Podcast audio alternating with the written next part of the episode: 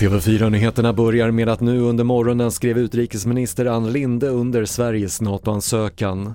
Det känns stort, det känns allvarstyngt, eh, det känns eh, som att vi nu eh, ändå har landat i det som vi tror är bäst för Sverige. Det är stopp i tågtrafiken söder om Göteborg efter en kollision och urspårning vid Mölndals station sent igår. All trafik på Västkustbanan som ska till Göteborg påverkas men även resenärer som ska söderut drabbas av stoppet som väntas pågå minst till klockan 12. Det fanns kända brister i Sveriges lager av skyddsutrustning redan före pandemin och nu riktar Riksrevisionen kritik mot hur regering och myndigheter hanterade problemet.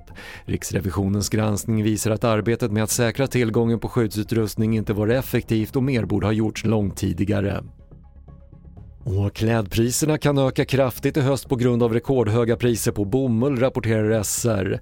Bomullspriserna har stigit med 40% från september förra året och beror bland annat på höjda energi och bränslekostnader samt leveransproblem på grund av pandemin. Fler nyheter hittar du på TV4.se. Jag heter Patrik Lindström.